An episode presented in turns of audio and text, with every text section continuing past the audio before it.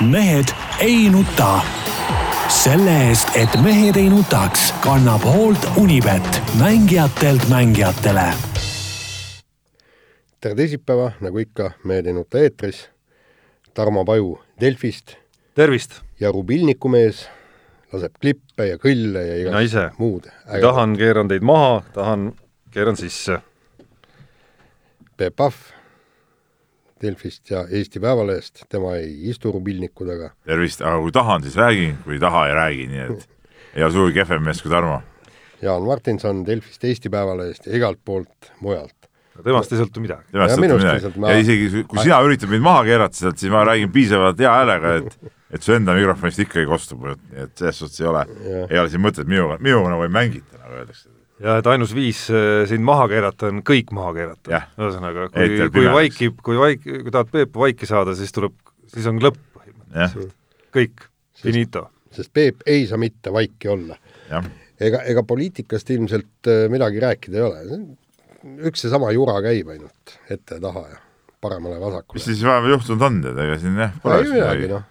mingid ministrid vahetuvad siin ja no eks ta, eks ta paras komejant ole muidugi, aga noh, las ta olla jah, no to toimubki selline kuidagi selline huvi kadumine vaikselt, ma ütleks ka siia juurde pigem, et, et ei, vähemalt antud nii-öelda teemasid ja motiive ei, ei viitsi nagu väga jälgida. ei no ainuke, saaks sellest listeeria hullusest ka vabaks, siis oleks nagu okei okay,, sest noh, nüüd lihtsalt leiti mingi üks asi, mis tegelikult kogu aeg on olemas, mida sa, Jaan, oled ka kogu aeg sisse söönud, eks ole, ja nüüd on leitud mingisugune kuradi hullus, et et mõõdame siin ja seal ja küll on salatite peal ja küll on, ma ei tea, kuskil leti peal ja ja kalatehased kinni ja ma ei tea, mis värgid, eks ole, noh, leitud lihtsalt mingi hüsteeria, mida, mida nagu kütta. ja kusjuures, nagu ma saan aru, poed on seda nii-öelda listeeriakala praegu kõik täis ja, ja ei ole ju ära korjatud lettidel. ei, muidugi ei ole. no hetkel elame veel vähemalt kõik. me elame ja ausalt öeldes olen ka kala söönud viimasel ajal. Äh, söön pidevalt üsna usinalt, nii et äh, ma ei tea. ei ole midagi tundnud. okei okay,, paneme siis spordiga edasi ja esimene teema on meil siis äh, väga positiivne, ehk siis äh, positiivse dopinguproovi andnud, ehk siis veredopinguga, no on ju noh, äh, veredopinguga vahele jäänud Karel Tammjärv, Algo Kärp ja Andres Veerpalu said nelja-aastase võistluskeelu, aga noh, see oli teada, et nemad nii pika keelu saavad aga palju huvitavam on see, et, et äh, võistluskeelu said ka Mati Alaver ja see on ka okei okay., aga Andrus Veerpalu kes... see ei ole okei okay,, tahtsid sa öelda? see nagu, see on nagu see kogu see Jaan ikka usub ei, oot-oot-oot, kuule, see, siiamaani me teadsime, et te, tegu on täiesti puhta mehega. mis mõttes? Tammjärv ütles kohe esimesel pressikonverentsil, et Andrus Veerpalu teadis. ei no mis teadis? noh, see on no, ka kuritegu ju. ei no tähendab, et kõik kui kui sa nagu äh, tead, kes on mõrvar näiteks, eks ole, meil see kaameramees, nad on kogu aeg see kahtlane vend olnud, eks ole, kui ta on mingisugune kurjategija, nii, ja sa ei teadnud sellest politseist, sa oled kaasosaline ju. ja sind karistatakse täpselt samamoodi, sama rangelt, oled varjanud, sa oled takistanud õiget mõistmist, õiguse mõistmist ei no, ei no seal on võib-olla neid teadjaid on veel rohkem, abikaasad, tüdruksõbrad, aga, aga miskipärast neid ei no need, nad ei ole suutnud tegevat lihtsalt. jah, aga, aga tegelikult ongi see, eks, et eh, Andrus Veerpalu käitus ju täiesti puhas ja aus mees, käis äh, igal pool rullidel äh, võistlemas ja jooksuvõistlustel ja kõik ja, ja nüüd on sellega krõska. no ma tuletan meelde, et nelja-aastase keelu sai veel ka Aleksei Poltoranin, kes veel üks mm paar kuud tagasi oma Instagrami kontol, kui sealt üks inimene küsis, noh, pani mingi suusatamise pildi ja keegi inimene küsis, kas te kavatsete karjääri jätkata, siis ta ütles optimistlikult jah, et äh, teeb nagu trenni uueks hooajaks. ja, ja kusjuures tema ei olnud tema sai ka nelja-aastase selle. ja kusjuures tema väidetavalt ei ole ka, äh, enda sõnul ei ole süüdi, sellepärast ta ainult kavatses dopingut tarvitada, verd vahetada, aga seda ei teinud, aga, aga ometi sai ka tema nelja-aastase keelu, vot noh, ütleme, karistused on üks asi, aga teine asi tahaks ikkagi lugeda neid põhjendusi ja selgitusi ja mille eest no,. põhjendused tulevad selle nädala jooksul, nagu ma olen aru saanud. noh, kui tulevad. asjaomaste inimeste käest. jah no., aga noh fi,, fi, FIS-ilt on kogu aeg pika vinnaga neid asju tulnud ja mõnikord tulevad, mõnikord ei tule ja, ja noh, ma, ma ei oleks nii optimistlik no olukorras, kus Mati Alaver on justkui ühe karistuse ka meie kohtusüsteemilt kätte saanud, siis äh, iseenesest Jaan ei öelnud ju sissejuhatuses valesti midagi, et see Andrus Veerpalu oleks selles võistluskeelu saajate nimekirjas, oli selle uudise kõige huvitavam ja uudisväärtuslikum osa kahtlemata ja, ja, ja kindlasti aga seal midagi imeks pandavat? ei, imekspandavat ei ole, pigem on jah, uued küsimused, millest esimene on, et kas selle nelja-aastase spordis tegutsemise keelu nii-öelda ainus põhjus ongi see, millele viitas siis Karel Tammjärv, ehk siis see, et ta teadis, või on seal mingisugune suurem seotus olemas? noh, see teadmine üksi, ma kahtlustan siiski kuri sisetunne ütleb, et seal on ka suurem seotus olemas et eh, noh, kuigi, kuigi lõppkokkuvõttes ei ole ju vahet isegi, ka selle teadmise eest peaks siiski, noh, see teeb ju sama välja tegelikult lõppkokkuvõttes, kui sa tead, et sinu hoolealune või hoolealused eh, tarvitavad dopingut, siis ei ole enam vahet, kas sa ise vahendad neile seda kuidagi või ei vahenda, näiteks. aga muide, teine küsimus on see, et, et miks meie prokuratuur Andrus Veerpaluga ei tegelenud? Kui, kui selgub, et, et ta on täpselt samal tasemel süüdi, kui on Mati Alaver siis oleks ka tema pidanud. aga me ei tea samal äh, tasemel. noh, tähendab ei kas no. ta on vahendanud, me ei tea. no kas ta on kallutanud äh, Kallutab, konkreetselt meie sportlasi, et võib-olla käib äh, antud juhul võib-olla Poltorani. võib-olla tema teema on ainult Poltorani. ei, aga mis vahe selles on, tähendab, e-, e-, ega siin ei ole ju minu meelest ju ei, kui kuritegu pole Eestis toime pandud, siis ei ole ka Eestil seda midagi uurida oled sa selles nii väga, väga kindel või? suhteliselt veendunud, jah. Aga teine küsimus kui ma siit nüüd edasi lähen ja, ja oma lauset jätkan, on ikkagi ju see, et olukorras, kus Andrus Veerpalu ise endiselt ei ole mitte midagi öelnud, nii nagu ta suvel, Jaan, sulle ütles, mis iganes metsade vahel see toimus, et ega ju midagi rääkida nagu ei olegi, siis mulle tundub, et, et üht-teist nagu rääkida olekski. äkki see saaga polegi läbi, selles mõttes, et äkki Andrus Veerpalu on ju varem ka saanud dopingukaristuse. mäletatavasti see lõpuks spordikohtus siiski äh, lükati ümber, äkki nüüd läheb sama teed no,? kuigi tundub väga ebatõenäoline no nii, ühesõnaga no Neid katkestati äh, jõuliselt, siin on ikka mingi süvariik tuli mängu. ei no mis süvariik, -hmm. tehnika nagu sita nikerised siin. ma saan aru, meid ei olnud ka alguses, kes üritasid meid otse vaadata, siis meid polnudki otsepildis alguses näha, et, et nüüd äh, kes tahab seda algust siis kuulata, mis me siin rääkisime, väga tarka asjatundlikku juttu, need peavad siis tegema pärast väikse järelkuulamise, ega me nüüd otsast epohhi, peale alustada ju ei ja, saa. epohhi loov oli see jutt lausa, ma ütleks, et seda, see tuleb kindlasti ära kuulata tagantjärele. Ja ei no see on ju ammust teada, et, et see digivärk on ikka täielik jama, vaata kunagi oli tead, see vä vändaga kaamera on ju, seal jäi kindlasti kõik filmi peal, mitte midagi ei juhtunud, eks. ma siis, mis ma isegi nõukogude mees, Jaan, mäletad, olid meil ka need vändaga telefonid, kui KPP-sse keegi tuli, eks ole, vaja staap helistada, siis paisid ja siis võtsid toru ja siis teine mees rääkis seal. mina mäletan lapsepõlvest siiski ka Aruküla kinoelamusi kus olid ju ka mingisugused tohutud ah, need ketastega tohutud kettad ja mingid asjad. sulas, see film sulas ära. aga need siiski, aga need, aga see siiski viperusteta ei kulge. ei kulge, mitte kunagi. see film tihtipeale nagu katkes ja siis see pandi uuesti kokku ja läks edasi. jaa, ja sai, sai ei olnud probleemi, eks. sai, sai vaadata küll, väga hästi, väga hästi. nii, aga, aga me rääkisime siin äh, India filme sai põhiliselt vaadatud sealt. aa, muide, äh, mul on nüüd äh, uus mingisugune telekanaleid on mustmiljon, et seal on kuidagi niimoodi, et, et India filmide kanal või? jaa, India filmide kanal. samamoodi jätkuvalt laulavad ja tantsivad jaa, et see, jaa, jaa, seal on nagu see, eh, nagu see on, et, et kui ette eh, filmi alguses on püss eh, seinal, siis hakkab see filmi lõpus laulma ja tantsima äh?, püss nii, aga me jäime oma jutuga pooleli Andrus Veerpalu juures äh,. Andrus Veerpalu, jah, me rääkisime dopingukaristustest, mehed äh, said nelja-aastase karistuse, meie suusatajad Karel Tammjärv, Algo Kärp ja ja Andrus, Andreas Veerpalu, aga, aga siis ka Mati Alaver ja Andrus Veerpalu ja see Andrus Veerpalu jah, nelja-aastane eh, karistus oli mõneti üllatav. sellepärast, et tema tundus nagu olevat puhas poiss, tema ei tea midagi, tema on ju tavaline hooldemees ja Poltoranin lihtsalt abiline, aitab suuski testida ja kõik, et kas tol korral, Jaan, kas tol korral, kui sa käisid suvel äh, signaali peale, et Andrus Veerpalu on seal mis iganes maakonna metsade vahel. Alutaguse metsade vahel. Alutaguse metsade vahel ja läksid eh, temaga siis nii-öelda audientsi küsima ja said vastuse, et ega ei olegi midagi rääkida. tulid sa sealt ära tundega, et Andrus Veerpalu on puhas poiss? no ei, kindlasti ei tulnud, kindlasti ei tulnud ja, ja, ja minu meelest kirjutas väga hea kommentaari äh, vot ma ei mäleta, kes see nüüd kirjutas, kas, kas see oli Postimehes või Õhtulehes, ilmselt Õhtulehes oli, kui, kui kirjutati, et et tegelikult see vaikimine tuleks lõpetada nii Andreas Veerpalu kui Andrus Veerpalu. Õhtulehes oli see, jah? Õhtulehes oli, eks. ja, ja, ja põhjus on tõesti väga hea, on mis on, Karel Tammjärv, Algo Kärp, nende puhul on, nad, nad saavad sirge seljaga öö, igale poole üldsuse ette tulla, ei ole, noh, nad on pättust teinud, selle üles tunnistanud, karistused saanud ja kõik nii. aga, aga nagu Andras Veerpalu seal käis, nii kui ajakirjanikke nägi, tõmbas kohe kapuutsi silmini ja kallis mees, sa pead elu lõpuni niimoodi käima, elu lõpuni ja täpselt sama on sest et iga kord, kui me teda näeme, me üritame ikka seda teemat jälle üles võtta. no absoluutselt. enne kui vastuseid pole saanud. jah, ja Andrus Veerpaluga on täpselt sama ja, ja ka Mati Alaveriga, ega tema võiks äh, asjad ära rääkida, et tulla nii-öelda ühiskonda tagasi.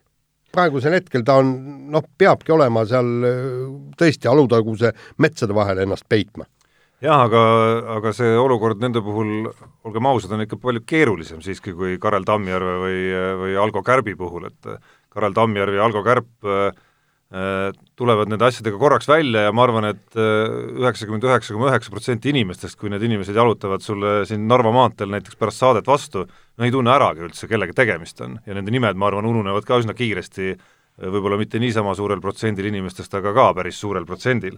aga kohe, kui Andrus Veerpalu ja, ja Mati Alaver midagigi vastavad, siis need küsimused ei lõppe või ei alga alates aastaga kaks tuhat kuusteist, seitseteist või, või mingite selliste aastanumbritega. et midagi ei ole teha, Andrus Veerpalu puhul see, see, see kõik on ju ühe päris pikaajalisema loo lõpp ikkagi. jaa, ei no et, et no, kui sa nüüd vaatad maailma reaktsioonegi, eks, siis äh, mit-, ma ei ole kindel, kas sealt nüüd parastamist välja õhkus, mis Skandinaaviast tuli äh, nendest kommentaaridest, mida sealsetelt suusatajatelt küsiti, aga aga noh, nüüd on see kõik mustvalgel ikkagi olemas no ja tundub mulle ilma ühegi konksuta, kui just jälle ei minda spordikohtusse, kuigi ma julgeks sügavalt kahelda, et antud juhul alust selleks oleks. jaa, ja kusjuures liidame veel siia juurde äh, väga korralik äh, Austria suusataja ülestunnistus äh, oli vist Norra meedias ja kus ta rääkis kõik, et kuidas ta seda dopingut tarvitas ja seal tema tõi ju ka selle äh, kasvuhormooni mängu ja ütles, et, et enne magama minekut äh, tarvitas kasvuhormooni ja siis hommikuks oli see organismist läinud ja et, et, et järelikult äh, kasvuhormooni ikkagi need suusatajad tarvitavad. aga, aga paraku Mati Alaveril on ju see ikkagi, kogu see saaga on ju aastakümnete taga, nüüd oli kahevõistluse treener Tiit Tamm, sümp-, sümpaatne mees ja, ja temagi meenutas seal, kuidas, kui Mati Alaver oli Eesti naiskonna treener, et siis oli seda põgenemist dopingukontrollide eest küll ja veel. Ja te-, ja tegelikult noh, eks me seda teadsime no, no aga... see, ütleme see kogu Tiit Tamme jutt sobitus väga hästi sellesse mustrisse, mida me siiamaani ka teadsime ja mis meil olid ka nii-öelda ütleme lauasahtlis mingid vanad, vanad lood, mida ei ole kannatanudki võib-olla avaldada. no mitte ainult nüüd... sahtlis, et Piret Niklas no, on mõned on, mõned on välja tulnud jaa, aga ütleme, ütleme nüüd võib-olla isegi kannataksid, aga nüüd on võib-olla nagu noh, võib-olla natuke aegunud lihtsalt need lood. et, et, et väga hästi sobitus see mustrisse ja, ja Tiit Tamme eh, sõnade tõepärasuses kahtlemiseks ei ole küll vähimatki alust. jah, et, et põhimõtteliselt noh, müüdid langevad et asjad ei ole nii ilusad, nagu, nagu kõik me siin äh, rääkisime. Ja kusjuures huvitav oli see, eks, et et äh, tuli meelde, kui Andrus Veerpalu esimest korda kasvuhormooniga vahele jäi, siis äh,, siis mäletate seda äh, rahva, rahvaüritus ja kuidas sinna Tartu äh, Raekoja platsile mindi kokku käest kinni, Andrus Veerpalu, kõik laulsid. Ja, ja kusjuures ma leidsin Youtube'ist need klipid üle, no ütleme niimoodi, see on ikka piinlik see vist, see manamine käis mitte päris selle viisiga minu mäletamist mööda, pigem oli see me usume Andrus Veerpalu. ei, ta, seal oli mitu, tähendab, vaata, vaata üle, seal on hästi toredad klipid ja inimesed võiksid ka vaadata ja siis meenutada, et, et kes seal kohal olid ja tasub ikka uskuda, mida Eesti spordižurnalistika ja žurnalistid nagu räägivad, et see ei ole, see ei ole mingi poliitröga, eks ole, siin on ikka tõsine värk ja siin, siin mingit nalja ei tehta, et kui on ikkagi faktid käes, siis, siis nii on ühtki väljamõeldud asja pole. no Jaan mõnikord muidugi liialdab lihtsalt. ei, liialdab, ei, aga see, kuule, see ongi ajakirjandus, peab liialdama ei, ei lase, ja ei lihtsustama. Jaan ei lase lihtsalt faktidel head lugu tavast rikkuda. jaa, ei, ei, seda kindlasti mitte. aga kusjuures ju, just kiirelt veel ajakirjandusega, ajakirjandusest rääkida, abikaasa eile õhtul just luges Postimehest väga head artiklit Priit Pulleritsu sulest, kus kirjutati surmast ja surijatest ja ja, ja ta oli natukene pahane, et, et, et pealkiri oli nagu võib-olla pandud kerglane ja just natuke võimendatud, aga selle peale ma siis ütlesingi, et kui sul on tõesti hea lugu ja kui sa tahad, et seda luge-, loetakse, siis kindlasti tuleb panna ka väga jõuline pealkiri. et noh, see on ka nii-öelda ajakirjanduse reegel, nii et ärge pahandage pealkirjade peale ja lihtsalt, kui teema juurde tagasi veel hüpata ja siduda see ajakirjandusega, siis lihtsalt infoks võib-olla meie kuulajatele, et, et, et, et mis samme siin selles loos nüüd edasi oodata on, ongi siis nagu kaks asja, eks, et üks on see Mati Alaveri kohtuotsuse selline nagu detailne väljapanek avalikkusele, mida ja. Peep siin põhimõtteliselt no, ootab pikki silmi juba mitu päeva. lähiajal nagu selguma jah, et kui palju ja mida sealt saab siis välja tuua, jah. ja teine küsimus on siis äh, FIS-i suunal, et, et kas peale selle, et avaldati uudis karistuste kohta, tuleb sellest äh, ka mingisugune pikem lahtikirjutus või mitte Eestisse? no alaliitu peaks tulema ja alaliit ka, ma alaliiduga olen suhelnud, alaliit äh, ootab seda selle nädala jooksul. nii, aga lase kõlli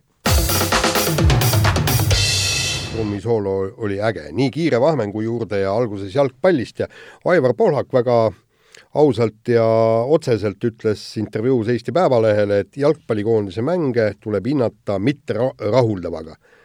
imekas ka, kui ta oleks pannud ei. hinde hea näiteks selle ühe punktiga lõppenud tsükli järel. ei no jaa, aga, aga alati tegelikult ju nähaksegi seal positiivset ja, ja kõike. ei, aga... näevad ainult eh, hullunud Eesti jalgpalliajakirjanik, mitte keegi muu sealt ei näe midagi positiivset no ütleme niimoodi. aga Eesti, Eesti eh, hullunud jalgpalliajakirjanik, see on nagu, nagunii mingisugune niisugune erikildkond ja, ja, ja mingi teatud määral ka diagnoos, et, et selles suhtes noh, see ei ole päris tõsiseltvõetav no jaa, aga eks nad vaatavad ju seda asja läbi, läbi roosade prillide, eks, et, et sa räägid, see ei ole nagu õige päris. no, nojah, aga kui sa ikkagi kui, oma alani kui ikka, kui ikka tulemust no, ei ole, no siis tulemust ei ole ja siis äh, siis tulebki nii öelda, et, et selles suhtes äh, äh, ütleme, meie endine hea kolleeg Andres Vaher on, ütleme, suutnud või jalad enam-vähem nagu maa peal hoida erinevatest ülejäänud nooremast põlvkonnast, kes sest, seda teemat seal kajastanud on, aga aga selles suhtes Pohlaku jutt oli, oli puhas ja õige tegelikult, mis ta seal intervjuus Kundar Lehestele välja ütles. just, aga, aga noh, ega siin paraku midagi, midagi teha ei ole, et, et ega siin lootust paremale praegusel hetkel ei ole, enne kui, kui tuleb tõesti üks, üks äh, uus ja jõuline põlvkond äh, peale ja saab jalad ka alla, meil on siin uusi mängijaid on, aga aga, aga paraku nad on nagu on. Noh, segaseks võib-olla jääb äh, lihtsalt see, et Aivar Pohlak ütles ka selles intervjuus seda, et et üheksakümnendatel sündinud jalgpallurite valik on osutunud kuidagi väikeseks et, et kuidas ta nii, kuidas ja miks ta nii väikeseks on ikkagi jäänud, kui justkui nagu hulga järgi võiks seda valikut ju nagu olla, kui sa vaatad äh, üheksakümnendatel sündinud äh, harrastajate arve, siis jalgpalliseisud nagu Eesti mõistes ei ole nagu üldse halvad. et, et küsimus on ikkagi ka selles, mida mida siis need jalgpallurid äh, nendest trennidest teinud on ilmselt. jaa, aga, aga, aga vaata, minu meelest on see ikkagi, ikkagi ta on, ta on viga, viga selles süsteemis ja ja jällegi vaata, see, see oli see, kui me sinuga käisime koolispordifoorumil ja. ja mille peale siis Erki Nool näpuga mind torkima tuli, eks, et see on spordikoolide asi, eks. et, et, et seal ma ta, talle seletasingi ära, noh, ma, ma ise olin ju mängisin korvpalli ja, ja äh, korvpalli näitel, et kuidas äh, tehti Nõukogude ajal nii, et oleks olemas täiesti jõuline püramiid, eks. et seal oligi nii, et, et äh, olid korvpallikoolid Tallinnas, kahekümnes keskkool, kus sinagi, Tarmo, oled õppinud, oli korvpallikool, nii, seal olid nagu algtreeningud, pari, paremad pääsesid spordikooli ja neid spordikoole ei olnud see, nii massiliselt. ta on nagu püramiidi, mõnes mõttes nagu püramiidsüsteem nagu. oma linna või ütleme, linnaosa piires, eks ole. just, linnaosa piires ja need, kes olid spordi, spordikoolis, nemad mängisid Eesti meistrivõistlusi. Need, kes olid koolitrennis, nemad mängisid Tallinna meistrivõistlusi ja, ja pärast oli siis koolide vabariiklik tšempionaat. nii, aga, aga mis, mille see tagas, oli see, et kõik see eliit tuli kokku nendesse spordikoolidesse Äh, näiteks Tallinnas oli kolm spordikooli pluss Kalev. Äh, nii, Tartul oli oma spordikool, siis seal äh, minu teada Pärnu kandis kõik ja minu meelest oli kas kaheksa spordikooli, tähendab, ühesõnaga kõik parimad olid koondunud kaheksa spordikooli. ja Tallinnas oli juba neid rohkem tegelikult? ei olnud. Lenini rajooni spordikool, Oktoobri rajooni spordikool. mererajoon ja pluss Kalev. jah ja. kas rohkem ei olnud? Kaliin. Kaliini. Kaliini rajoon oli vist ka, jah. nii, aga, aga aga, aga, aga nii ta oli ja, ja siis, kui ma käisin ühe jalgpallitreeneriga siin äh, juttu ajamas, intervjuud tegemas ja, ja küsin ka, kuidas klubil läheb ja kõik, ja noh, nagu ta ütles, ma olen vist seda ka välja öelnud, et et tema teeb suurelt jaolt sotsiaaltööd, ehk siis ta peab tegema nende lastega, kes tegelikult tippsporti teha ei taha. Ja sotsiaaltööd sellepärast, et toob nad tänavalt ära ja annab neile võimalust liigutada. no ehk siis fookus on nagu nii-öelda spordi harrastamisel või? just, täpselt, jah, aga, aga, aga sealt, sealt ka jalgpallis, kas mi, miks mitte võtta niimoodi tõesti piirkonnad sinna kokku, et teha nagu need eliitvõistkonnad, eks Tallinnas oleks võib-olla kolm-neli võistkonda, eks, üks on Pärnu kandis, üks on Rakvere kandis, Tartu kandis, kõik seal Lõuna-Eesti kandis. Ja kuhu koondada siis kõik need paremad ja need siis oma, ja siis see püramiid läks ju edasi, nende spordikoolide parimad läksid ju tsikki jah, ei muidugi jah. ja need läksid ja läksid... Sikk oli, noh, see oli nagu üldse ülim, eks ole, noh. see oli ülim. et ütleme, praegune Audentes noh, ei ole selles suhtes nagu võrreldav ja võib-olla praeguses no praegu on ka valikuid rohkem. valikuid on rohkem ja see praeguses klubisüsteemis ei ole ka nii, nii oluline võib-olla. praegu lähed Madridi Reali või Barcelonasse. ei no aga, no aga siin Eestis saab teha. jah, vot, aga, aga noh, ega ütleme niimoodi, et Jalgpalliliit saaks oma süsteemi ümber struktureerida, võib-olla Korvpalliliit ka, aga, aga, aga see Eesti sport no seda nagu ümber ei struktureeri, teised alad olid ju samamoodi. spordikool, spordikoolis oli eliit ja ainult need, kes tõesti tahtsid, tahtsid saada nii-öelda, see oli nagu, see oli nagu, kuidas ma ütlen, nagu koolinoorte tippsport nagu no, spordikoolis. aga noorte juurde mõneski mõttes jääme ka järgmise teema puhul. nojah, ütleme eelmise puhul me siin olime süsteemi kallal rohkem, nüüd äh, Lähme rohkem konkreetsete noorte peale, nimelt siis äh, võrkpallitreener Aavo Keel saatis pärast võitu eurosarjas omaenda noortele mängijatele sõnumi, et leidku nüüd see noorem kaardivägi ka stabiilsus üles, ärgu hakaku ette kujutama, et äh, ta tahab, et tahame mängida ja sellepärast ma ei oska, et mängida ei saa, ja et kui mängid kvartalis ühe mängu või teed nädalas ühe hea trenni, siis sellest ikkagi ei piisa. tegelikult Aavo Keel jätkas oma tiraadi ju nädalavahetusel ka kuskil või kus see oli, kui ta, eh, kui nad kaotasid Saaremaale, kas kuskil mingi video liikus ja. ringi ja, ja ja seal ta oli nagu mängijate peal nagu ikka väga pahane. ja, ja kohe nagu jõuliselt pani ja tegelikult, tegelikult vot see ongi üks asi, mis on nagu ära kadunud, võib-olla Aavo Keel on üks viimseid mohikaanlasi, kes nagu julgeb asju ka välja ütelda ja väga õigeid asju ja ja, ja, ja, ja, ja tulebki nahutada, kui ikka ikka noored mehed ei saa ikka aru nagu, et miks nad seda midagi teevad või, või või, või mida nad peavad tegema, no siis, siis tulebki noh, kaks asja, kas riietusruumis märjad rätikud valmis panna või, või siis või siis verbaalselt äh, öelda, öelda asjad ikka valjult ära. ja põhimõtteliselt no ikkagi sportlane, noor sportlane peab aru saama, et selge see, et, et teda ei panda sinna väljakule minutiteks ja geimideks, vaid, vaid ta saab üksikud võimalused ja ta peab olema psühholoogiliselt valmis need võimalused ära kasutama et, et paraku see on, see on igal pool, korvpallis, jalgpallis, võrkpallis, kõik, eks. et, äh, et nii paraku on. noh, seesama sõnum on natukene nagu äh, fännide ja, ja avalikkuse jaoks ka, ajakirjanduse jaoks ka mõnes mõttes, et et, et ei tasu unustada, et äh, reaalset taset näitab ikkagi stabiilne, mingisugune stabiilne esitus mingil tasemel, mitte ühekordne või, või paari kuu jooksul kahekordne välgatus, ükskõik, kas tegemist on korvpalluri, võrkpalluri või jalgpalluriga, et et äh, vahel kipub võib-olla mingi ühe õnnestunud esituse üle asiotaaž natukene äh, nagu oot-, niisugune nagu ootuste ja hõiskamise koor natukene liiga kõvaks minema. aga muide, Peep, sa võib-olla jälgid seda võrkpalli natuke rohkem, Kaivet, meil noor reporter Märt Roosnantsele. meil ei ole vist tükk aega tulnud noori vendasid peale, kes oleks tõesti noh, a la nagu Robert, Robert Tähe, Tähed ja, ja, jah. ega vist nii, no ma nii tähelepanelikult viimase võrkpalli ei ole jälginud, aga aga mulle tundub ka, et see, ütleme see, ütleme mingid, noh, noored on küll, kes mängivad siin kohaliku liiga tasemel ja nii edasi väga hästi, aga võib-olla nii säravaid eh, tippe ei ole tõesti tulnud. aga mis ma tahtsin nagu öelda seal Pärnu kohta, et noh, et muidugi teatud taseme näitaja on muidugi ka see ikkagi, vaatamata sellele kriitikale kõigele, et, et kui, kui meeskond võib-olla ei ole heas seisus ja Pärnu vist ei ole see hooaeg heas seisus olnud seal mingist eurosarja esimesest ringist eh, poeti läbi ikkagi täiesti rahulikult, noh. ja me võideti siis Rootsi meistrit ja,, jah, jah, jah. et, et, et selles suhtes nagu noh, ütleme mingi tase on ka siis olemas, kui mängitakse suht kesiselt võib-olla. jah, erinevalt Peep meie lemmikalast võib-olla, kus ja, kus täpselt. ikkagi äh, seda latti ei, ei, ei ületata, ei ületata, et selleks ja. peab ikka olema asjad pigem nagu hästi olema, et, et need latid nagu suudetakse üle, üle, üle nendest minna nii, aga omamoodi latist sai üle kolmekümne kuue aastase Roman Fosti, kes eh, jooksis Valencias maratoni tulemusega kaks tundi, kaksteist minutit, viiskümmend sekundit ja kerkis selle isikliku rekordiga Eesti kõigi aegade edetabelist teiseks, et Pavel Loskutov on tast olnud kiirem, tõsi küll, omajagu kiirem, neli minutit isegi, et see ütleme, vahe Loskutova järgmiste vahel on üüratu, aga, aga, aga Fosti tulemus noh, tore ja, ja kõik vägev, kirjutasime lood ka ja Roman Fosti väga sümpaatne, väga sümpaatne sportlane, mulle ta väga meeldib ja, ja on käinud siin tiitlivõistlustel ja kõik, aga noh, tegelikult nüüd nagu vaatame otsa, kaks, kaksteist, viiskümmend,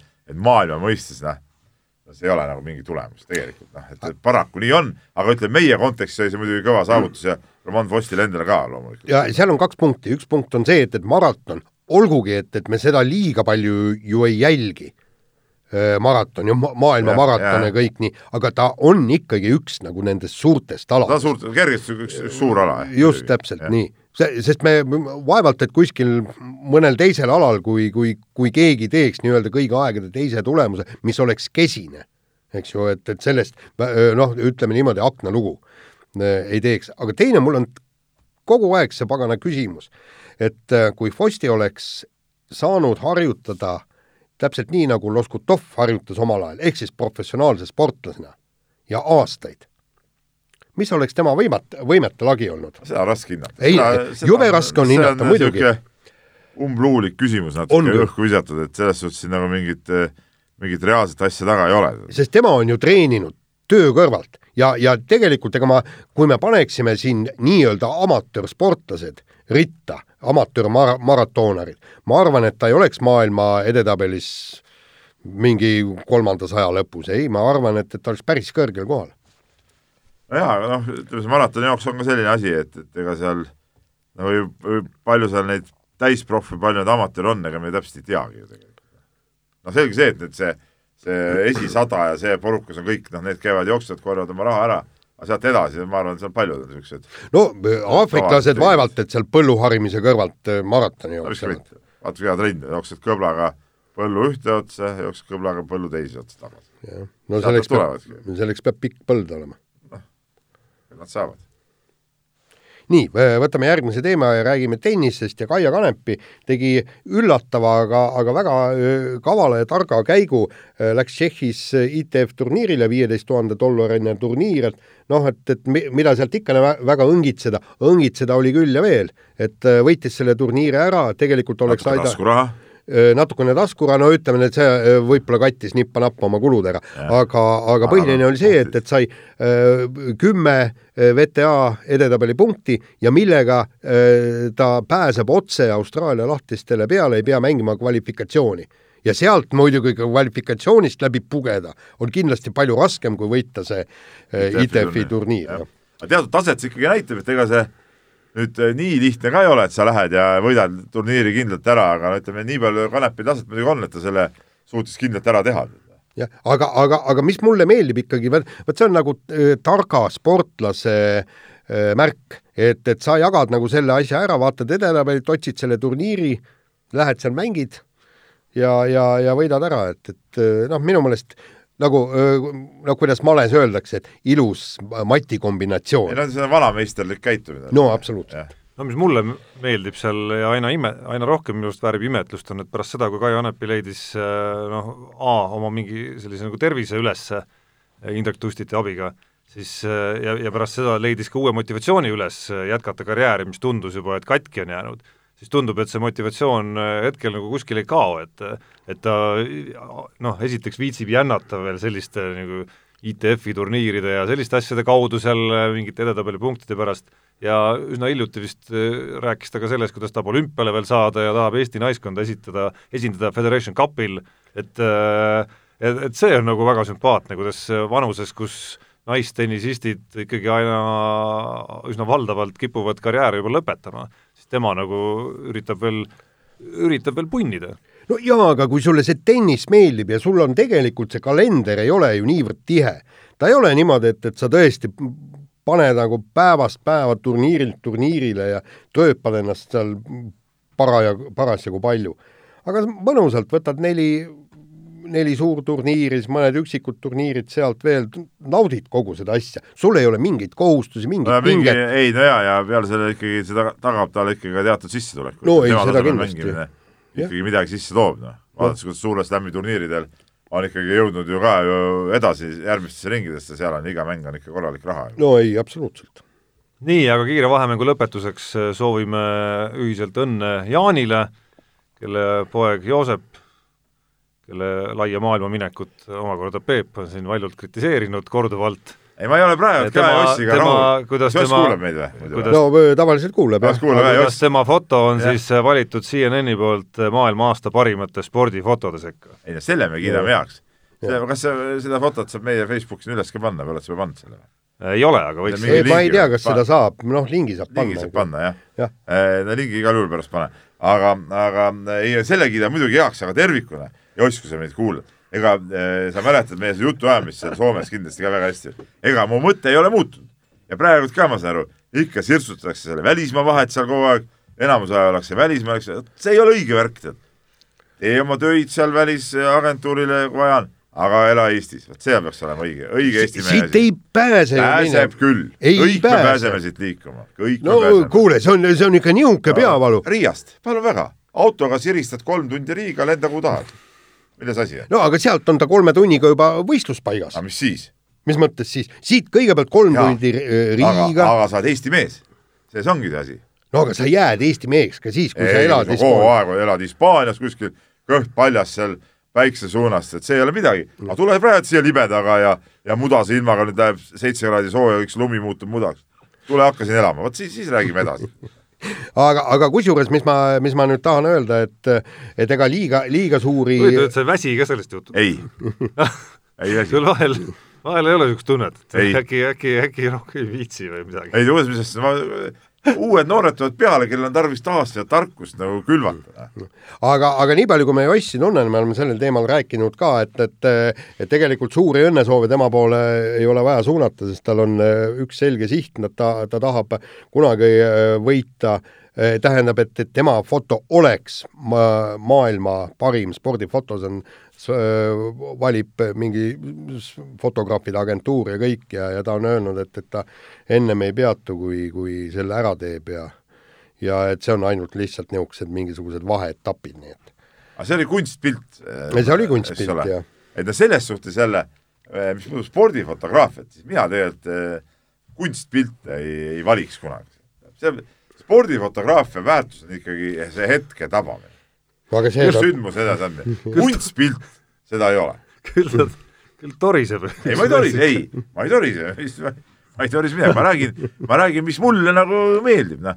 et mina hindan spordi pildis ikkagi seda higi ja, ja vaeva, mis seal nagu pildi pealt kajastub, tead noh aga mitte mingi kunst, et keegi vaatab kuskile as, as... kaugusesse, mingi valgus on sätitud kuidagi. seal oli muidugi kiir, kiiruskajastus, nagu, seal no. kajastus kiirus.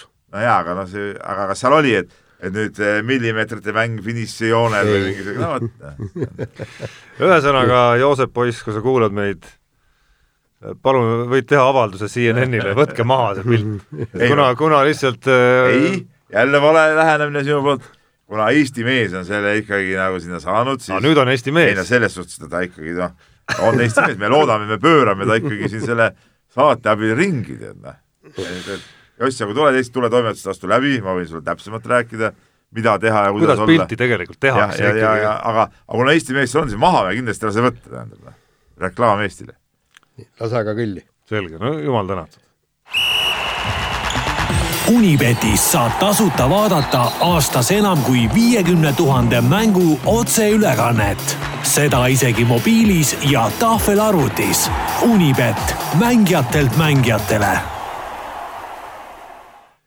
nii, Tarmo, Unibet. jaa, räägime Unibetist, räägime meie ennustusvõistlusest ja mul on tunne, et siin on vahepeal toimunud arenguid.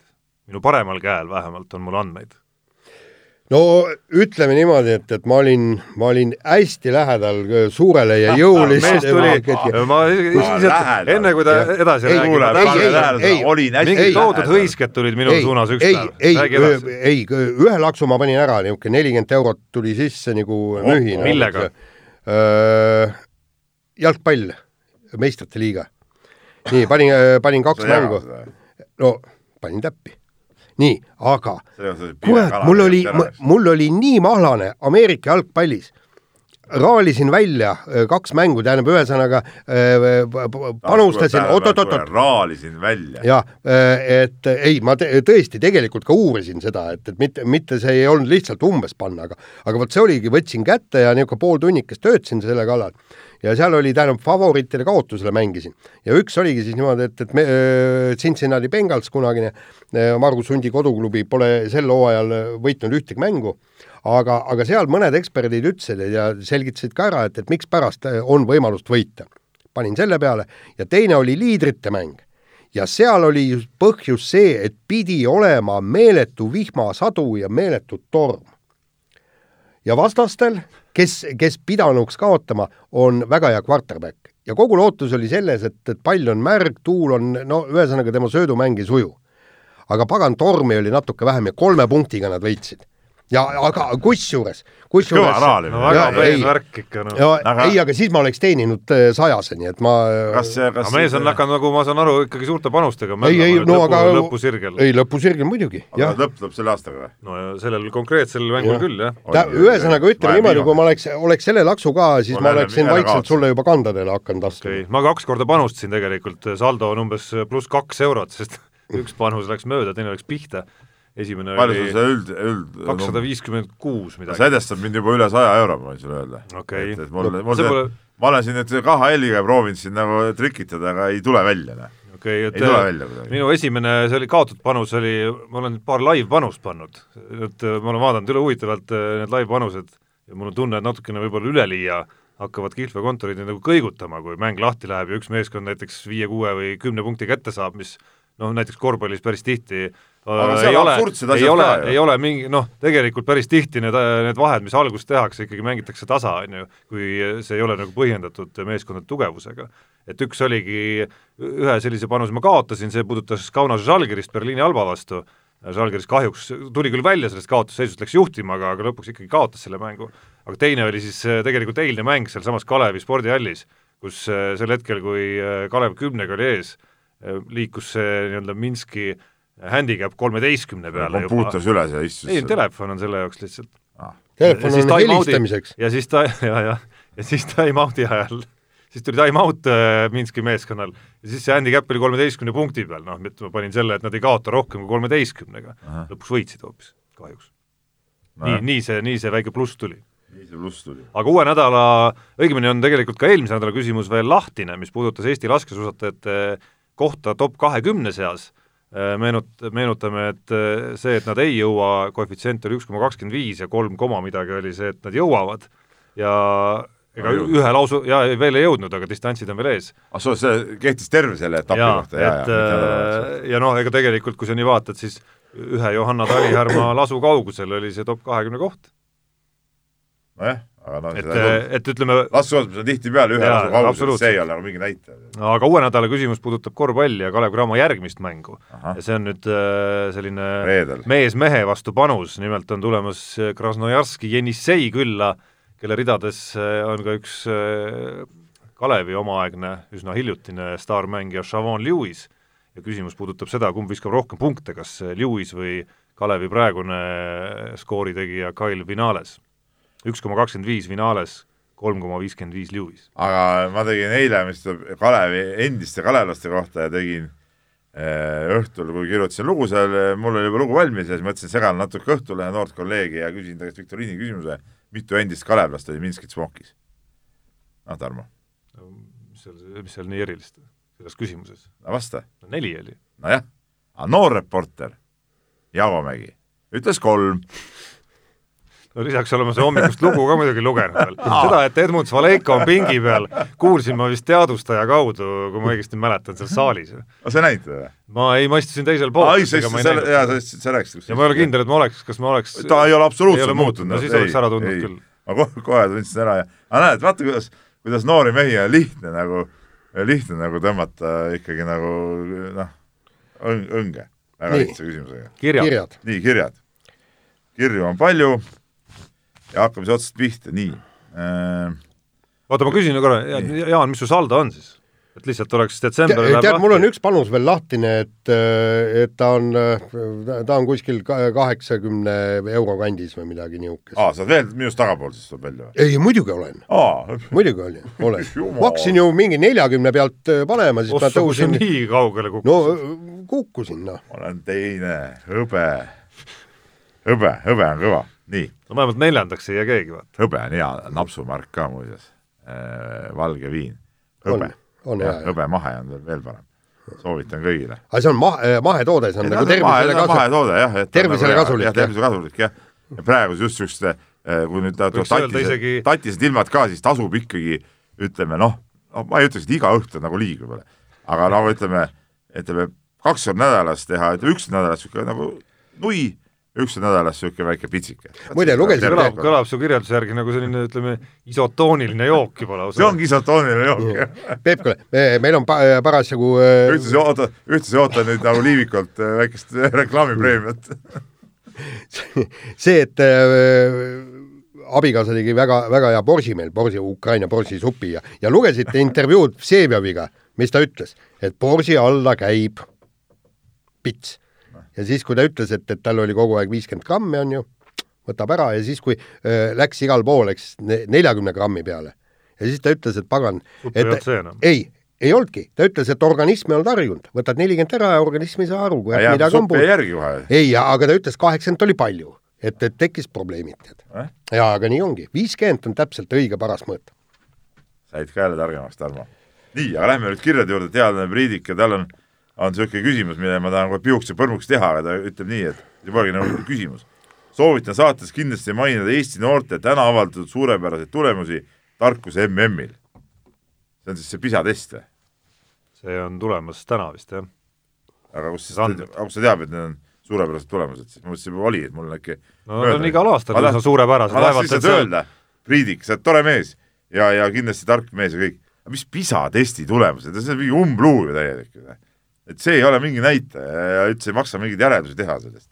peaasi, et PISA testi tehakse minu arust ju, ju äh, klasside sees, eks ole, minu arust niisugust asja üldse polnud, aga praegu vist on klasside sees no,. Euroopast esimesel, värsked uudised, oleme Euroopa kõige targemad lapsed. ka seda õpetajad, ütlevad õiged vastused ette, ma arvan, seal no kindlasti. sest et meil oli küll niimoodi, kui meil oli, ei ma räägin sulle, kui meil oli, ma mäletan, ma olin äkki teistes riikides ütlevad ka? ma olin kuskil põhikoolis, eks ole, ma ei mäleta, mis asi see oli, oli mingisugune üleriigiline mingi kontrollöö oli mingisugune, no niisugune asi, et tegime ära, need tule-, läksid, saadeti kuskile ära, tead.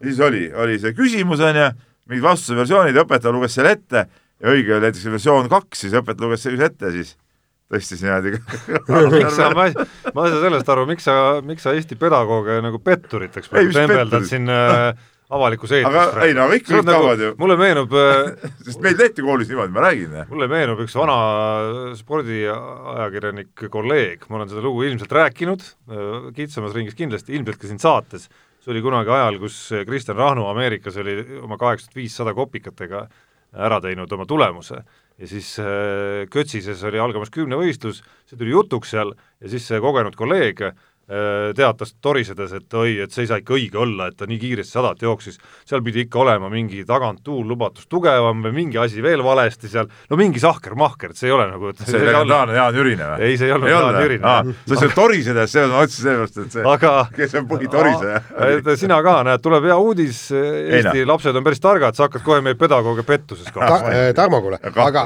see, see PISA test on kõik hurraa, plahsutama, aplodeerima, aga kasu, ju täpselt see vaata siis, kui see Soome pääses see on iseküsimus, aga Kule. see ei tähenda, et me pedagoogid kohe selle pettusega ei see pole pettus, see on, see on parema tulemuse nimel, no mis see on siis?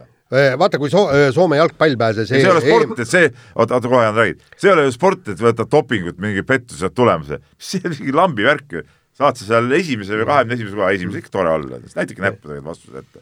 ja, ja, seal oli, vaata, kui see Soome pääses EM-finaalturniirile, siis so Soome ajakirjandused või mis on soomlaste kõige kõvemad saavutused, hakkasid seal lugema, üks on siis iseseisvumine, ta-ta-ta, talvesõda, kõik nii, ja siis hakkasid lugema äh, kirjandusnoobel, keemianoobel, rahunoobel ja seal oli veel kaks, kaks Nobeli, põhimõtteliselt nad olid vist, Soome on võitnud viis Nobeli preemiat me oleme PISA testis. me oleme, me oleme ka siis, Jaan Kross oli nominent ja no, no vot, vot vot see keegi oli ongi, veel ju siin no aga siis vähemalt Jaan saad hinnata seda, et näed, meil on potentsiaali, et varsti Ei, oota, aastakümnete jooksul selle PISA pealt nii-öelda Aga- tuleb mõni Nobel. me oleme siuksed noorteklasside siuksed no tegijad täpselt, spordis kes kipub ka tihti olema nii Kuule, muidugi. täiskasvanus midagi nagu ei tee. mäletad nagu korvpall oli ju ko- kogu aeg nad võtsid ju selle noorte Spartakaadidelt medaleid me. saime ühel aastal kergejõustiku, mis teil oli, juunioride või noorte MM saime neli kulda Neli ühel kulda. Ma ei tea, keegi kes pärast maailmameistriks ei tulnud muidugi. aga nii on, nii oota, lähme kirjadega edasi, et kell on oi-oi-oi, kui palju ja kirju on ka palju veel. Marko kirjutab meile ja tal oli eelmisest saatest juba, leidsin üles kirja, ma ütlesin, kiri oli kadunud ähm, küsis ja Jaan hakkas segama meid ja me ei saanudki vastata. et ta küsis meie käest, nimetage enda Euroliiga lemmikmängijad ja ta ise toob sulgudes mulle meeldivad Higis, Higins, Randolph, Heinz, Milutinov, Slovkas. noh, mina, ma mõtlesin ka selle küsimuse peale, ma olen siin sellest nimekirjast, ma kohe äh, tõmban äh, ka kaks meest alla, tõmban ühe. muidugi ja Kyle Heinz, eks ole. ja no ma- esimene mängija, kes mul, no üld, üldse see lemmikmängijate asi on kuidagi veider, mida vanemaks sa saad niimoodi mõelda üldse, et näe, see on mu sul oli vanasti? ei no kunagi Iidol. olid Michael Jordanid ja igast- ei no sul oli see Leedu Matšauskas Arvidas. Matšjauskas Jah. ja absoluutselt, see oli, see oli väga äge lemmik. aga noh, Kyle Heinz oleks esimene, kes muidugi meelde tuleb, et üks asi on see tema ta mängustiil tabas viimane kord ka elu, esimese kolmes ja. Ja siis ta intervjuu ajal naeris korraks, mis oli ka erakordne ja noh, kogu see tõestus, kuidas ikkagi nagu alla kahemeetrine keskmängija saab olla Euroliiga üks paremaid keskmängijaid ja viia meeskonda tiitlit ja nii, aga no lisaks see taust, mis tema kohta ju räägitakse, tohutust ägedast tööeetikast ja maailma, nii-öelda maailma parimast meeskonnakaaslasest ja ja kõik sellised omadused, mis äh, on pannud äh, ikkagi väga suuri treenereid ja meeskonnakaaslasi teda hindama. Jaani Strelniaksi ma tooks välja võib-olla veel, et noh, midagi ei ole teha, see Baltikumi noh, mingi niisugune regionaalne moment tuleb ikka ka neid Euroliiga mänge vaadata ei no see tuleb ka, vaid minu jaoks see ongi nagu et, ainuke kriteerium, tähendab, Jaanis- üks asi on sal-, asi on Jaanis Strelniaks ja noh, teine asi kindlasti, eks ole, Žalgirisest leiab neid ju mitu tükki, noh, alustades ehk Arturas Milaknisest, mis on niisugune emotsioonipõhine lihtsalt. täiesti. natukene, sest ega tema mängus leidub loomulikult ka puudusi, aga lihtsalt ta on väga efektne oma nagu kolmest eh, ladujana. no selles suhtes meil on nii huvitav ei ole, meil on jah ja,, Tarmoga täpselt äh, nagu üks, üks maitse sisuliselt võib nii öelda nendes asjades, kas Strelniaks ja Milaknis ütleme, on ka minu lemmikud, aga loomulikult Jaanis Timmad ja, ja no ütleme kõik ikkagi see, kui kuskil satsis on Pribaltika vend, siis ma siis ma ikkagi olen nende poolt ja, ja, ja just nende meeste poolt, et nad saaks palju mängida ja Strelniaksi nagu see esiletõusmine nii kõvas suvis kui CSKA-s, ütleme kohe alguses tundus, et noh, ta nagu ei kohanegi seal ära, et, et asi on kuidagi nagu hapu siis ütleme, viimased mängud on olnud ikka nagu suurepärased, noh ta on ikka, ikka olnud äh, täiesti kandev jõud ja natukenegi tasakaalustanud seda äh, hullumeelset Mike Jamesi, kes nagu üritab seda mängu seal kogu aeg ära rikkuda, aga siis Strelniks, ütleme, proovib nagu enda poolt nagu seda mängu jälle nagu paremaks teha, ütleme kahe peale kokku on teeb päris hea kombo neil. jah, no Nick Galatese võib-olla kaugemalt vaadates ütleks veel välja, ka niisugune väga omapärane mees, vaadates, mis nõrkused justkui tema mängus kõik olemas on, mis puudutab viskamist eh, nii kolmesaja euro tagant kui vabaviskejoone tagant, aga sellest hoolimata suudab ikka nagu noh, oma sööduoskusega ikkagi nagu uskumatult hea olla. ja muidugi äh, siin mõned aastad tagasi, nagu ilmselt enamus inimesed olid lummatud äh, Luka Dontšitsist, ma tahan siin märkuse teha kõikidele nendele äh, kommentaatoritele, kes NBA-d kommenteerivad, unustage ära see Luka, mis, mis kuradi Luka, öelge Dontšits inimese kohta, kui ta nagu perekonnanime järgi, miks seda eest-, eesnime kasutada lihtsalt üksinda. aga ma tahtsin öelda seda, et viimane kord, kui vaatasime seda mängu siin Lakersiga äh, pojaga koos vaatasime ja ütleme, Dontšitsi mängu alguses ei olnud suurem asi ja tegi seal niisuguseid ikka ehedaid NBA mehe tontusi, siis ma ütlesin äh, poisile ka, et et mulle see NBA Dontšits nagu ei meeldigi enam, tead noh. pärast ta mängis jälle normaalsemalt, aga no ütleme, et see NBA nagu kipub teda ka ära rikkuma tegelikult noh, et normaalses satsis ütleme, Pablo Laas oleks ammu pingi peale võtnud ja nagu, nagu äh, koera kutsika läbi sõimanud ja oleks nagu täitsa õigustatud olnud see asi no küta edasi. nii, nii kirju on meil siin oi-oi kui palju, vaata kui kiiresti, millise me järgmisena võtame, võtame Kalle kirja. ja, ja ta küsib seda, et vaatas pühapäeval Saaka spordiuudiseid ja seal üritati seletada jalgpalli EM-i mingisugust uut süsteemi. süsteem süsteemiks, aga ma vaatasin, et üks alagrupp mängitakse Roomas ja Bakuus. Aga kas päriselt mängitakse nii, et üks mäng on Bakuus ja sõidetakse Rooma teist mängu mängima, kui nii on, siis tahaks teada, mida eh, kuulus Greta sellest asjast arvab. Kalle kirjutab, minu arust see, ma sain ka teada ausalt öeldes, ma ei teadnudki, et Bakuus on ka mingid mängud, kui see pühapäeval oligi äh, see või millal see loosimine oli siin, laupäeval oli loosimine, siis, siis ma nägin seda, vaatasin ka Bakuus, see Baku ja Rooma, kuidas saab üks alagrupp olla ütleme, maailma erinevates otsades peaaegu. no aga nii on. et no, kõik see, grupid no..., kõik grupid mängitakse kahes kohas. ei no kõik on kahes kohas, aga näiteks lähestikku võiks ikka olla, see on idiootsus ju, Tarmo, ütle nüüd, kas sa tõesti ütled, et see on normaalne? tundus mulle ka, isegi mulle tundus veider. seal on London, Glasgow ja mingid no, sellised see on veel nagu arusaadav. Peterburi, Kopenhaagen näiteks. ei, ei no see, soomlastel oli ju, äh, neil oli kaks võimalust, kas nad lähevad siis sinna Peterbur, Kopenhaagen alagruppi, mis on ju tõesti väga lähedal, või siis lähevad Baku alagruppi. Õnneks nad läksid läksid siia, noh, see on normaalne, aga tegelikult tõesti, minu meelest eh, tuleks, nad peaksid sõitma purjekaga. ühesõnaga, mängivad mängu ära, õhtul kohe purjeka peale ja läheb või siis aerupaadi peale. ja selles suhtes vaata, Eesti sportlased ähm, äh, kas mitte Nõukogude Liidu sportlased, kas Melbourne'i olümpiale sõitnud ka mingi laevaga? laevaga läksid ja, ja, aga nad läksid sealtsamast äh, paganama äh, Kamtša- äh,, Kamtšatkalt või kuskilt no, sealt. no sealt mööda maad, ütleme sõitsid ja rongiga sinna. ja Tokyo mängudel ja, olid ka ju seal ja, ja elasidki laeval. sõitsid laevaga, et ei ole midagi seal lennata, tead noh mm -hmm. ja praegu ka tõepoolest noh. seitsmetunnine lend, ütleb äh, Google praegu Rooma ja Baku distants. aga mis on siis, on siis, et mängid, oota, seal neli satsi on et siis igaüks äh, mängib, osad mängivad kaks mängu Roomas ja ühe Bakuus, osad siis ei no Itaalia mängib vist kõik, äh, nemad mängivad vist kõik Roomas. aga Aserbaidžaani polegi ju. ei no jaa, no ei no siis ongi, Itaalia mängib ja teised siis sõidavad äh, edas-tagas. no see on ebaõiglane, miks Itaalia saab siis, ei pea sõitma, see tundub eriti jabur nagu selle asja juures ju see tundub isegi mulle veider, kes ma olen kaitsnud siin kogu seda hajutamist alagrupi faasides, aga, aga miks neid peab veel ühe alagrupi sees hajutama, jääb mulle segaseks. aga me ei jõuagi vist praegu rohkem kirju võtta, siin on küll siin Tänaku äh, näppu lõikamisest võimalikust äh, ralli, ralli teemadel, et äh, siin toome lihtsalt ära selle, et, et AJ on kirjutanud meile, et et leiab, et sellest äh, rallitiimi vahetusest, et Toyota ei kaota midagi, kuna Ožeer tuli neile, küll aga, aga Tänak et oled sa endale uuekordse maailmameistriks väga kiire olnud ka üsna kehvade autodega, noh ta siin jah, no mi, mi, mi, mi, miks see Toyota, to, Toyota võib ju kaotada, eriti kui Ott Tänak tuleb maailmameistriks, Hyundai tuleb maailmameistriks, on ju kaotatud, tiitlit ei tulnud. küll aga ma tahaks eh, sõber Marguse poolelt selle kirja ka ära märkida ja, ja ta siin saadab meile aeg-ajalt emotsionaalseid hüüatusi korvpalli teemal ja, ja viimane tuli siis eh, reedel, kus ta kirjutab, et tervitus, Kuusma paneb soku kotti nagu naksti ilmselt tuleb tunnistada, et Aivar teeb seda jälle, et rahvas ei mahu varsti saali. vot ja siin ta pakub ilmselt on nõus Peep viie euro peale kihla vedama, ma küll ei saanud aru, eh, mille peale me kihla peame vedama, et, et aga no, sa paned Soku peale, tema Kuusma peale. aa, ei, no jaa, aga no see oli ju äh, minu arust kirjutati peale mängu lõppu, võib-olla ei tulnud ka. aga selles suhtes Aivar Kuusma on tõesti teinud kahe mänguga päris, päris äh,, päris kõvad avaldused, eks ju, kõigepealt võitis ju Viimsit, mis on esiliigas kõvemaid satse, siis võitis nüüd Tiit Sokko betoonimeistrit, mis on ka nagu väga väga kõva asi ja, ja noh, seda, et Kadrina ja pisikese saali rahvas ära ei mahu, see on ka suht loogiline, sest sinna, sinna nagu eriti rahvast ei mahugi tegelikult. aga, aga no vägev, et, et mees on saanud asjad käima seal.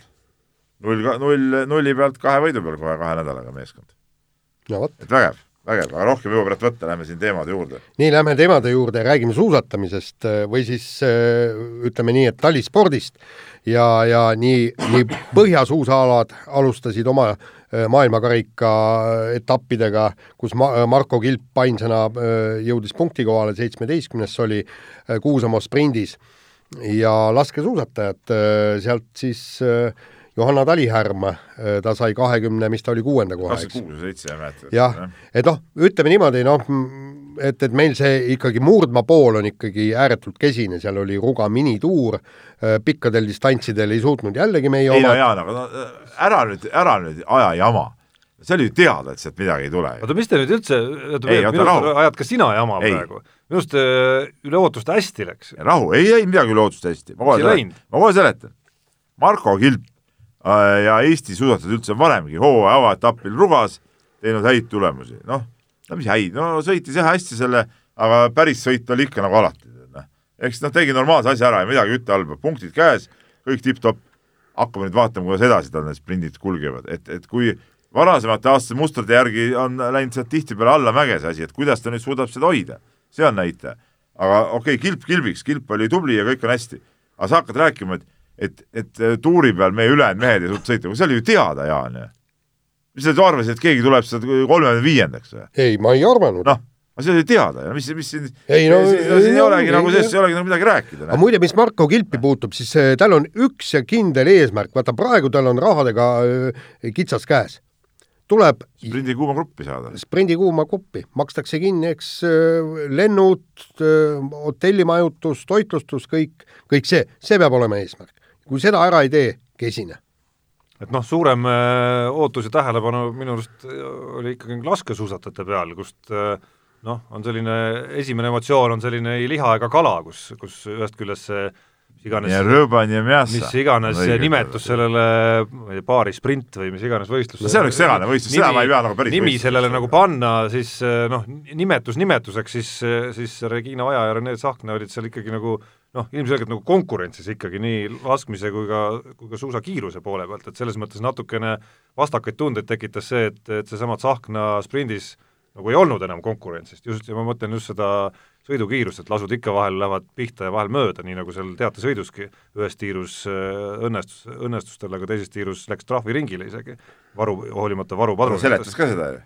no ei, ma saan aru, et seletaski seda, et, et mees mehe vastu ta ongi võimeline sedasi sõitma võib-olla natuke paremini, aga, aga ütleme, tavasõitus see nii, nii ei tule ja tema tegelik tase ikkagi tulebki välja rohkem nendest, nendest tavasõitudest. et, et noh, ei, ei oska, ei vara ongi ühe, ühe võistluse põhjal Ja veel veel on vara, öelda, et, et äh, nii, nii palju nägime, et et hetkel nii-öelda nagu nulliga, nulliga lastes keegi esikümne kiirust veel ei näidanud, ütleme niimoodi, et, et isegi kui tahaks, siis väga nagu hõiskama veel ei hakkaks. ja pikisilmi ootamise hetke, millal Raido Ränkel teeb oma karjääri esimese püstitiiru äh, pihta lasu. ja, ja siis, siis on šampanja voolab, tordid, värgid, viled, tuled, kõik see, see on kõva meil oli pidu. ka soovitus, mul endal on soovitus Raido Ränkile, tead, nagu see püsti laskmine välja ei tule, et kas on mõtet seal selle hingamise ja sihtimise ja mäkerdamise peale üldse aega raisata. ei, noh, Jaaniga me arendasime, mina ütlesin, noh, läheb, laseb lihtsalt kiiresti ära, mõni pihta läheb, Jaan mõtles veel parema idee välja. laseb viis pauku ühte märki, ühe ikka pihta saab viiest sinna ju. ei ole mõtet seda kätt liigutadagi. Hästi kiiresti, nagu automaadist. ei noh, ja täpselt noh. nii, viis pauku siin ära, üks läks pihta, saad neli ringi ära, igal juhul ta võidab üks no pluss see, see ringi läbimise aeg, pluss veel laskmise pealt on võimalik ka üks kakskümmend sekundit võitu. ja kui vaata, kui hästi läheb veel, oletame, et juhtub teine ei ole lask, juhtub teine lask juba pihta minema, siis üle, viimased kolm saab juba järgmisse märki. jah Jah, ju absoluutselt täpselt, jah. et seal on nagu pff, täiesti, täiesti niimoodi tuleks talitada siin praegu. noh, ei ole või? sa ei arva nii või? ja ma arvan, et pikas plaanis võiks siiski harjutada õigesti. ei no harjutada ei, võib, aga trennis harjutada, aga võistlustel. esialgu, vaata see on nii nagu Marek Noormets omal ajal äh, või muidu ei saanud, pani lauapõrkiga vabaviskeid, eks ole, Jaanar Talts ja kes siin on teinud neid asju, eks ole, noh. mis see on, paneb lauapõrkiga, noh. trennis ikka harjutab võib-olla õiget viset ja kole vaadata lauapõrke vabaviset. aga mängus kindla peale peab andma põmm-põmm, põmm-põmm, väga õige, noh. nii, vahetame teemat, mul on tunne, et see jääbki äkki meil täna viimaseks Ai, ja, ai, ja räägime aasta sportlaste valimisest järgmisel nädalal. Toyota sõlmiski lepingud Sebastian Ogier'ga, Elfin Evansiga ja Kalle Rovanperaga, päris suur ports rallimehi hetkeseisuga on üldse töötud järgmiseks hooajaks ja rallimaailmas, ralliuudiste rindel on olnud üldse huvitav nädal, sest Marko Märtini eelmise nädala intervjuu Päevalehes on omajagu vastukaja ka tekitanud. ikka maailma rallimeedias päris palju, jah. aga mis, mis ma ütlen selle kõigepealt selle Toyota kohta? Et mina ei tea, kas Rompera leping on üks kahtlane asi minu arust. jube risk. kas ei oleks pidanud Rompera, kas nad oleks võinud panna välja neljanda auto näiteks, et Rompera oleks saanud sõita esimese hooaja äh, selle neljanda autoga, ma ütlesin, et Mägine nii palju raha on küll seal, ta on nii palju kõrvale pannud oma tiimis. nii, oleks saanud neljanda autoga sõita seal rahulikult ja ikkagi kolm meest oleks olnud eh, tiimis, võib-olla mõnel rallil oleks seda ka siis nagu tõstud sinna tiimi arvesse, mitte nii, et läbi hooaja ta on kolmas number, no ma ei, see ei tundu Peep. nagu mõistlik. Peep, vaata, see Toyota nii, nii-öelda äh, rahapoliitika on, on mul tekitanud äh, küsimärke mitmel puhul. Selles mõttes on õige, kusjuures ta oleks saanud ju äh, tegelikult mitte ne- neljas auto, vaid viies auto, sest nad ju hakkavad äh, sõidutama ka seda äh, jaapanlast Euroopa ra- jah, rallidel, eks. nii, selles mõttes on sul õige, aga, aga millegipärast Toyota liigseid kulutusi ei tee. Ja nagu me ühes saates siin ju rääkisime, nad ei käi väiksematel rallidel, nad, nad käisid jah, siin äh, Rally Estonial käisid sõitmas, sa pead Eestis käia, Eesti pärast. just, aga, aga, aga see, et, et, et käia, nad, nad on ka Soomes äh, mõningad äh, rallid sõitnud kõik, eks, aga, aga kõike seda, kui testipäevi on vähe, siis ta oleks võinud ju ka öö, sõita just enne enne Katalooniat just nagu Hyundai teeb. Ja, ja, ja Hyundai ju plaanib tuua ka veel võib-olla isegi mõne WRC auto, auto rajale ja, ja Neil kõik on, nii neil on. praegu neli autot ju. jah, just et noh, selles suhtes muidugi. et, et, et selles mõttes, et äh, aga muidugi see, et ta Kalle Rovanpera äh, üles noppis äh,, see on äh, väga kõva avaldus. ei, seda muidugi, aga ma räägin, et, et minu arust äh, oleks saanud seal nagu teha seda asja nagu paremini, et anda tal see võimalus, kui nad tahavad tiimi suurt mängu ka mängida, anda tal võimalus lihtsalt nagu praegu areneda oma soodu, ta saab oma sõidud ära teha, saab oma kogemused kätte ja järgmine aasta on siis täieõiguslik liige. täna just äh, lugesin, täna just lugesin artiklit, kui soomlased on ise väga bravuurselt öelnud, et, et Kalle Rovanpera, et ei ole mingit probleemi, et vend on umbes neljandal-viiendal kohal igal rallil, et ei, ma ei usu seda, ma ei usu seda. see ei ole päris nii, ega nüüd nii, nii geenius ka ei ole. jaa, aga vaata, kui väike konkurents nüüd on. no konkurents on väiksem jah, see on küll, selles suhtes õigus muidugi jah, konkurents on väiksem. et, et äh, jah, seda küll. et väga palju häid sõitjaid on praegu nagu ripakil, et nüüd ongi see küsimus, et, et kas neist ja, ja mis võimalused nad leiavad, et noh, teada, Latvala mingitele rallidele saab võimaluse ja, ja, ja see kõik on nagu noh, oma raha eest, eks ole. aga, aga, aga seal on ülejäänud mehi veel ju kõvasid. aga, aga jällegi ma nüüd sellest jälle aru, aru ei saa, vot see on täpselt nagu Kanepi öö, suurmeisterlik käik, eks, nagu me varem rääkisime. ja ka see on öö, Latvalalt meisterlik käik, sellepärast ta ütles väga lihtsalt, järgmine aasta Ossier lõpetab, Toyotas jääb koht vabaks. ja keda sinna siis võtta, ikkagi see vend, kes sõidab. ja, ja, ja kõik need Mikkelsenid, Östbergid, Priinid, Pädanid ja kõik need vennad Priin vist saab Hyundai selles äh, tema- R5 projektis saab jaa, tema, tema saab sealt sõita, aga kõik need, näiteks Mikkelsen, mikspärast tema ei käitu äh, ei, aga Latvala me ju ei tea, mis ta teeb. Jaa, ega me ei tea. sa ei saa öelda praegu, et Mikkelson mitte midagi ei tee. ei, aga sealt ei ole mingisugust uudist tulnud no,, Latvalalt tuli kohe. nojah, Latvalalt tuli kohe, aga kohe. see ei ole veel näitaja, Jaan, see ei ole veel, seda me veel ei tea. jaa, seda me ei tea, aga ega tegelikult no, äh, kokkuvõttes on nii, et, et ega ametlikku kinnitust pole ka sellele, et selle Fordiga nüüd ilmtingimata see lappi sõidab. jaa, ei seda ei ole jah. äkki see ongi hoopis Mikkelson? ja äkki ongi. sest et, sest et kui jutt käib sellest nagu nii-öelda nagu mingist vanuselisest perspektiivist, ega Mikkelson ei ole mingi vanamees. ei ole, Mikkelson on täiesti normaalses vanuses, tegelikult tulemuste poolest kõvem mees kui Lappi, kindlasti. nii et, et selles suhtes miks, miks ei või hoopis tema seal olla, ega me ei tea seda. jaa, ei seda küll, aga, aga ma kindlasti loodan, et, et äh, nii mõnigi veel öö, käitub samamoodi nagu, nagu käitub Latvala. Ja vaata Latvala, ta hakkas kohe neid asju ajama, ta ütles niimoodi, et, et pettumus oli meeletult suur, aga, aga ta sai sellest kiirelt üle ja juba ta räägib, et tal oleks autod olemas. ega väga lihtne ei ole ju Toyota, et, et ta leiab selle neljanda, tegelikult kuuenda auto võib-olla või, või tähendab viienda auto viienda auto, eks. nii, kohe läbirääkimised, kohe on äh, raha kaheks ralliks olemas, kohe ta otsib raha veel, et, et sõita viis rallit. ütles ideaalis oleks, oleks sõita pool hooaega ehk siis seitse rallit. kohe, kohe hakkas töö pihta. aga äh, tõesti, nüüd on põhimõtteliselt äh, Mikkelson näiteks, kui ta tahaks sõita M-spordilt võib-olla on auto võtta. ei, Nelsport on ikka võtta, neil ikka no sealt ikkagi on jah, aga, aga no M-spordi ja Toyota vahel võib ka väike vahe ka olla. aga mida ma tahan, vist võta, võtame selle teema kokku, ma tahaks korra hüpata tegelikult hoopis Eesti teema peale ja, ja ma ise kirjutasin täna seda tehes Roland Poomist, kes siis plaanib uuel hooajal istuda WRC kaks autosse, sõita, noh praegu on kindel plaan vähemalt kaks MM-rallit, aga noh, tegelikult ma tean, et tal on, tal on mõtted veel suuremad ja, ja ja, ja veel, veel mõned rallid võtta ja põhimõtteliselt sama taktika, mis Latvalal. et äh, ta rääkis ka sellest, ma ei tea, kui sa Jaan viitsisid lugeda seda lugesin, lugesin et, muidugi. et järgmise, et on tulemas nii palju neid eh, tehased va- valmistavad R5 autosid ette, et seal, seal on võimalik saada järgmiseks aastaks juba kuskile võib-olla nagu niisuguse toetatud koha, et, et sellepärast ta see aasta juba proovib seda sõita ja, ja väga õige taktika, noh, väga Jah. õige taktika. noh, ja, ja, ja ütleme enda ralli mõttes ka noh, noh, ma ei julge öelda, et ta on nüüd uus Ott Tänak, no kaugel veel sellest, eks ole, aga no vähemalt ütleme, mees üritab midagi teha ja ja ei nökerda mingisuguse, mingit jura või siin ja mingit Eesti asja, vaid ikkagi just vaatabki neid äh, MM-rallisid, noh.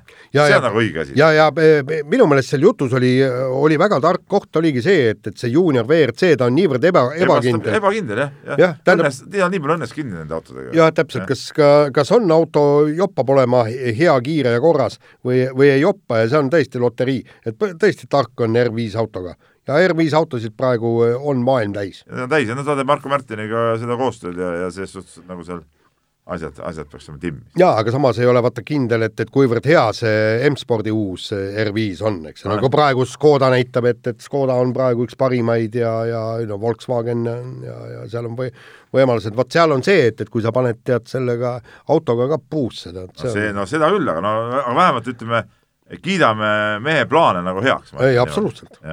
nii, no tundub, et siin võiks mehed jätkata veel ralli teemal tunnikese rahulikult. rahulikult aga siiski lõikame selle läbi ja kuulake meid nädala pärast. mehed ei nuta. saate tõi sinuni Unibet, mängijatelt mängijatele